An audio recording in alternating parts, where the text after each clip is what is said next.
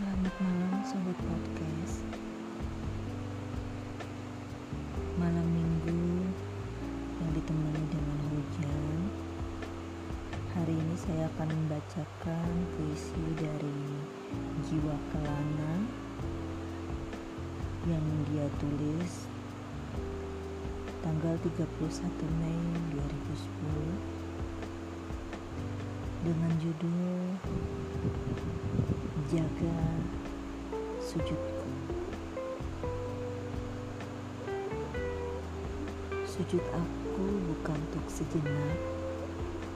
Ketika ku temu dalam diamku Mantulan cahaya yang kuhimpun dari pintalan doa-doaku. Inilah yang ku nanti dari serentetan waktu yang kulalui kemarin, hari ini, dan esok lusa.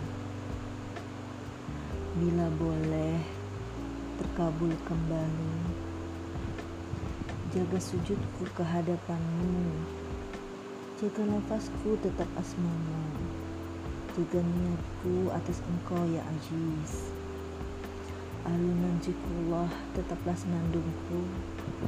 Hidayahmu tetaplah harapanku dan surgamu tetaplah jadi tujuan akhirku. Amin. Ya rabbal alamin. Jazakumullah.